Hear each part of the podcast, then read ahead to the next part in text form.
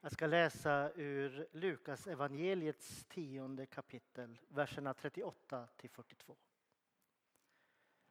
Jesus gick in i en by och en kvinna som hette Marta bjöd honom hem till sig. Hon hade en syster vid namn Maria som satte sig vid Herrens fötter och lyssnade till hans ord. Men Marta tänkte på allt hon hade att ordna med. Hon kom och ställde sig framför Jesus och sa Herre, bryr du dig inte om att min syster låter mig ensam ordna med allt? Säg åt henne att hjälpa till. Herren svarade henne Marta, Marta, du gör dig bekymmer och oroar dig för så mycket fast bara en sak behövs. Maria har valt det som är bäst och det ska inte tas ifrån henne. Amen. Jag vet inte om ni har märkt att det står en eh, sak här på altaret. Det är ju det här eh, kulturpriset som vi fick av Lidingö stad. Den här ängen som eh, Carl Milles, eller i alla fall i hans anda, är gjord. Den har stått på mitt rum på kontoret den här veckan. Och det är för att vi inte har vetat vad vi ska göra av den riktigt.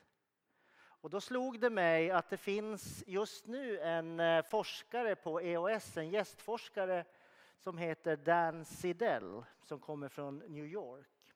Och han forskar på museer och kyrkor. Och det som är intressant med det, det är att han vill visa på hur ett ting, ett konstverk får en annorlunda mening beroende på vilket rum man förlägger det här tinget eller konstverket till. Han har ett exempel, exempelvis om man skulle tömma alla kyrkor på, kors, på korsen, sådana här kors, och lägga dem i ett museum.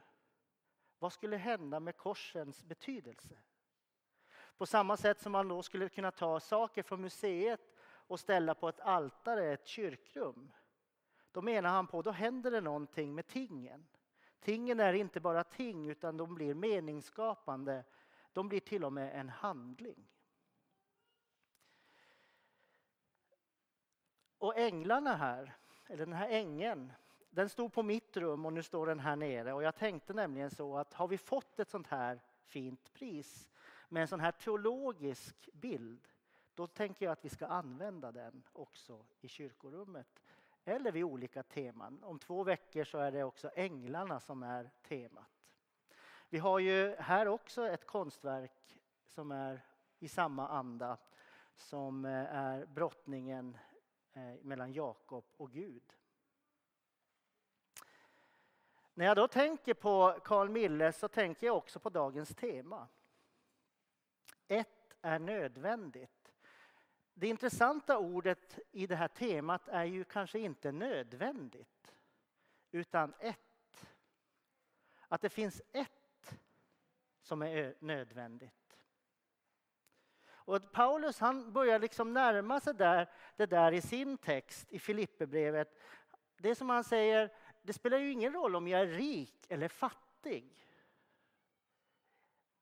För att den, både den rike och den fattige behöver det där som är ett, som är nödvändigt. Det är som att det finns en ytterligare dimension. Oavsett om du har eller inte har i materiell mening så är det något som varje människa behöver i sin djupaste mening och det är ett.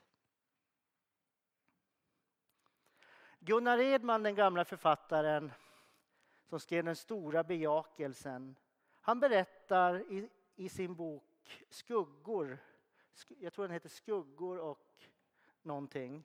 Skuggor, att, nej, att bara vara heter den.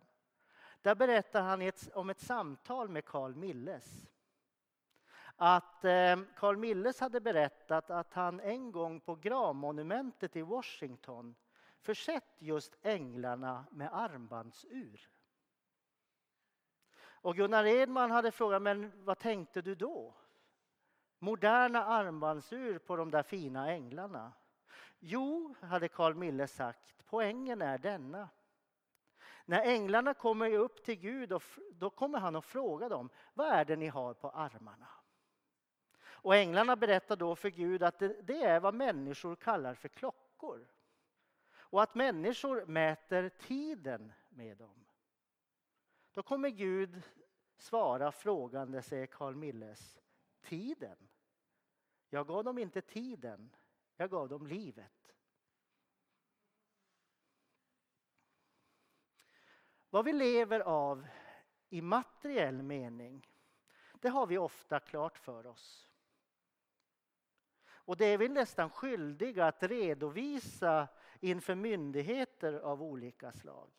Inkomst av tjänst, tillfällig förvärvsverksamhet, avkastning, bidrag. Det finns massor med saker som vi lever av. Och det är vi ganska klara över vad det är. Men det som den här texten frågar idag, det är frågan vad lever vi för? Och då vet jag ganska ofta att när jag ställer den frågan till mig själv och andra människor, då är den frågan mer oklar. Ofta. Vad lever du och jag för? Det vill säga den fråga vars svar inte behöver vara att redovisa inför myndigheter eller går att beräkna.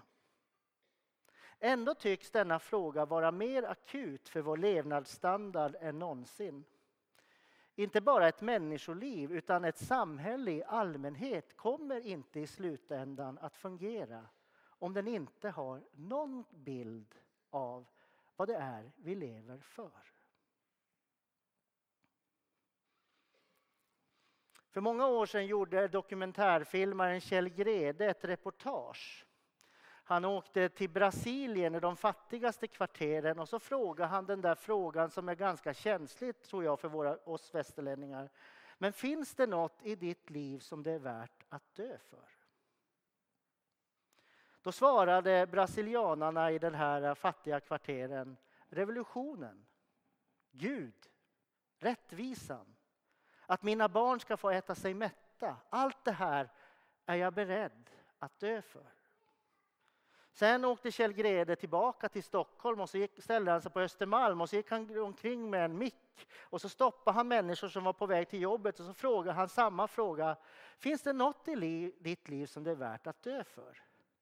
Och då svarade människor så här, du jag har inte tid med den frågan. Någon sa, nej men det där är en fråga som, nej men det, det är ju oförskämt. Vadå dö? Jag ska inte dö. Och så sköt man den frågan ifrån sig. Till sist var det en kvinna som eh, var lite barmhärtig över Kjell Grede och sa, ja men okej, okay. om du verkligen ställer mig mot väggen, verkligen ställer mig mot väggen, då skulle jag väl kunna tänka mig att dö för mina barn.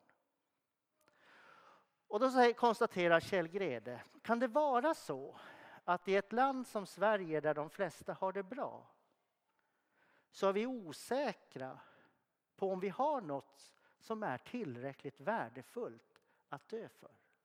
Eller så det, det, det där liksom, det där ett är nödvändigt. Medan i Brasilien där man inte har någonting, där är man ganska klar över vad detta ett är nödvändigt är. Och finns det då kanske på ett sätt en större rikedom där än vad det gör här? Ibland så säger människor ett uttalande som lyder ungefär så där. Du, det där är ingen hjärtesak för mig. Det där, eh, det där är inte någon hjärtesak för mig. Men kanske skulle vi då fråga oss vad som verkligen är en hjärtesak för mig och dig i livet. Det är en stor risk, särskilt om man har vant sig vid ett sätt att leva och tycker att det räcker om jag är klar över vad jag lever av. Det går ändå hyfsat. Eh, jag vill inte ställa mig för den där förfrågan för det kan ju innebära att jag måste förändra väldigt mycket i mitt liv. Men är det inte så att om vi aldrig ställer oss frågan vad som är vår hjärtesak, vad vi innerst inne vet har blivit fel i vårt liv, kommer vi då inte att försumma också möjligheten att verkligen få pröva vad denna hjärtesak är? Är det inte så då att vi hamnar i det där som David Thoreau, den här poeten, säger alla människor lever i en tyst desperation som måste lösas. Kanske är det det som eh, Paulus menar. Det som Jesus menar när han talar till Marta. Det handlar inte om den här gamla uppdelningen eller det här som vi ofta har som tolkning. Det är ju en efterkonstruktion det där att det här handlar om det praktiska som är mindre nödvändigt än det trosmässiga. Kanske handlar det om just det där att Jesus vill både för Maria och Martas skull lösa det där genom att synliggöra vad som faktiskt behövs. Och det är ju inte så mycket.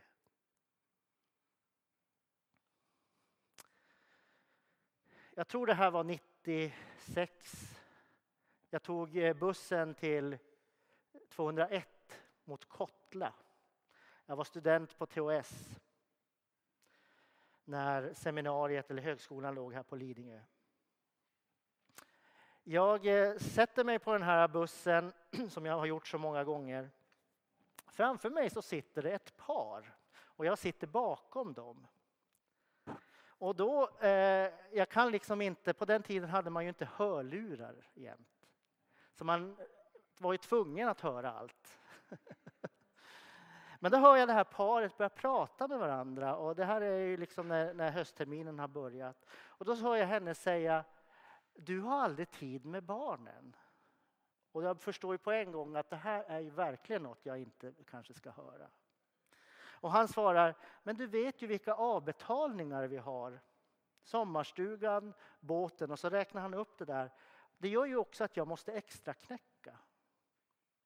Och då säger hon, men båten skulle vi ju sälja. Vi var ju bara ute med den en gång. Ja, men då gjorde vi ju Italienresan, säger han. Man kan ju inte göra allt på en gång. Och då säger hon, ja men du, jag hade verkligen hoppats på den här sommaren. Så går du och anmäler dig på en tre veckors fortbildningskurs.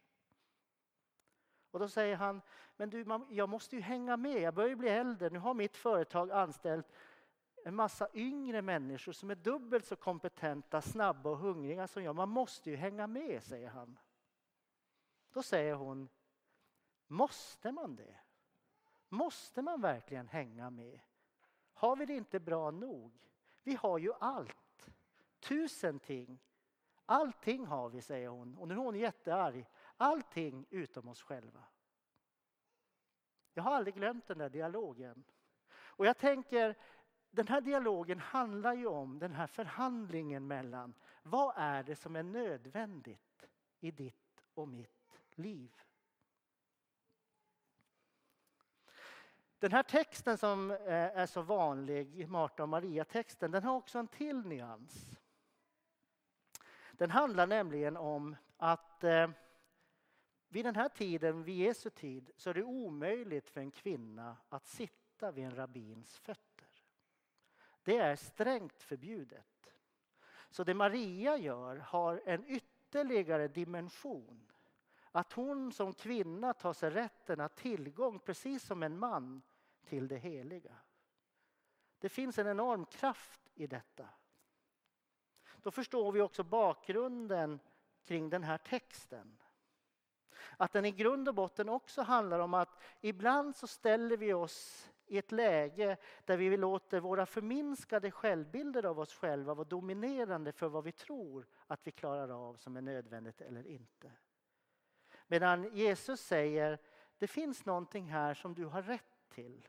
Eller som varje människa har fått gåvan att finna. Nämligen det som är det djupast nödvändiga i livet. Vi behöver, som det ibland lite klichéaktigt heter, inte bara nöja oss med meningen i livet utan vi har rätt att ta emot meningen med livet.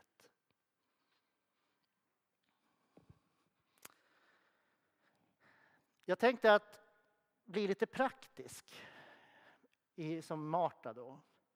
För att jag tror ibland att jag i mitt liv, jag vet inte hur det är med dig, kan hamna som kristen eller som människa i ett system av vanor.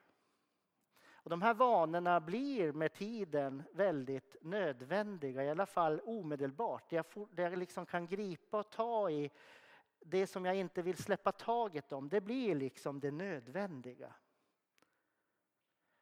Men jag tänker också att jag kanske ibland gör, det där gör också, den där berättelsen, standardberättelsen om vad som är nödvändigt gör att jag ibland också inte riktigt ser när det, väldigt mycket av det där jag håller fast vid tror jag faktiskt inte på längre. Eller väldigt mycket av det har mist sin tillförlitlighet. Det kan vara allt ifrån att brottas med Gud. Jag vet flera av er har säkert varit med om att man har liksom känt att nu går liksom språket om Gud på tomgång. När jag pratar om Gud nu så har det bara blivit floskler. Men jag vet inget alternativ så jag håller fast vid det ändå. Därför att det känns som att det är nödvändigt för att någon pastor långt bak i tiden har sagt att det är den sanna gudsbilden. Och det gör att jag fortsätter hålla fast vid saker utan att fundera på vad skulle hända om jag tog ett steg åt sidan eller till och med tog ett steg över linjen. Den här förbjudna linjen när jag inte har kontroll. Vad skulle hända då? Skulle jag då få fatt i det som är nöd, verkligen ett som är nödvändigt? Många av oss får ju tag i det där när vi drabbas av en kris. För då har vi inget val. Då spricker ju hela det där vanesystemet. Det blir ett brott i det, antingen vi vill eller inte. Och paradoxalt nog så känner vi till, det är då vi får fast. Eller då, då människor brukar säga, det här har varit en väldigt smärtsam period. Men det är märkligt.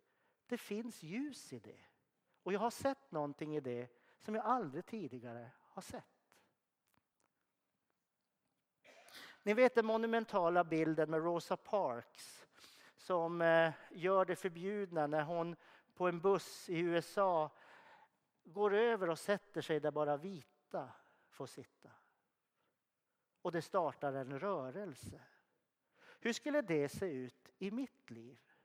Finns det förbjudna liksom sittplatser? Och då skulle min uppmuntran till dig och mig vara, är det inte så att vi i Ansgarskyrkan och alla församlingar ibland slår fast att det här är det jag ska göra. Jag ska stå i köket. Jag ska göra det här. Jag ska vara scoutledare, men det är det jag gör. För det andra är andra bättre på. Är det säkert? Eller så kanske man skulle prova gå över linjen och tänka Ja, men jag skulle vilja stå där den där pastorn Ulf står. Jag har aldrig tänkt på det förut. Men nu har jag ändå tyckt att vissa saker kan jag säga bättre än han. Eller, eller så det där med kaféet. Alltså att man tar steget över den där linjen för att få grepp i det där som kanske är ett som är nödvändigt.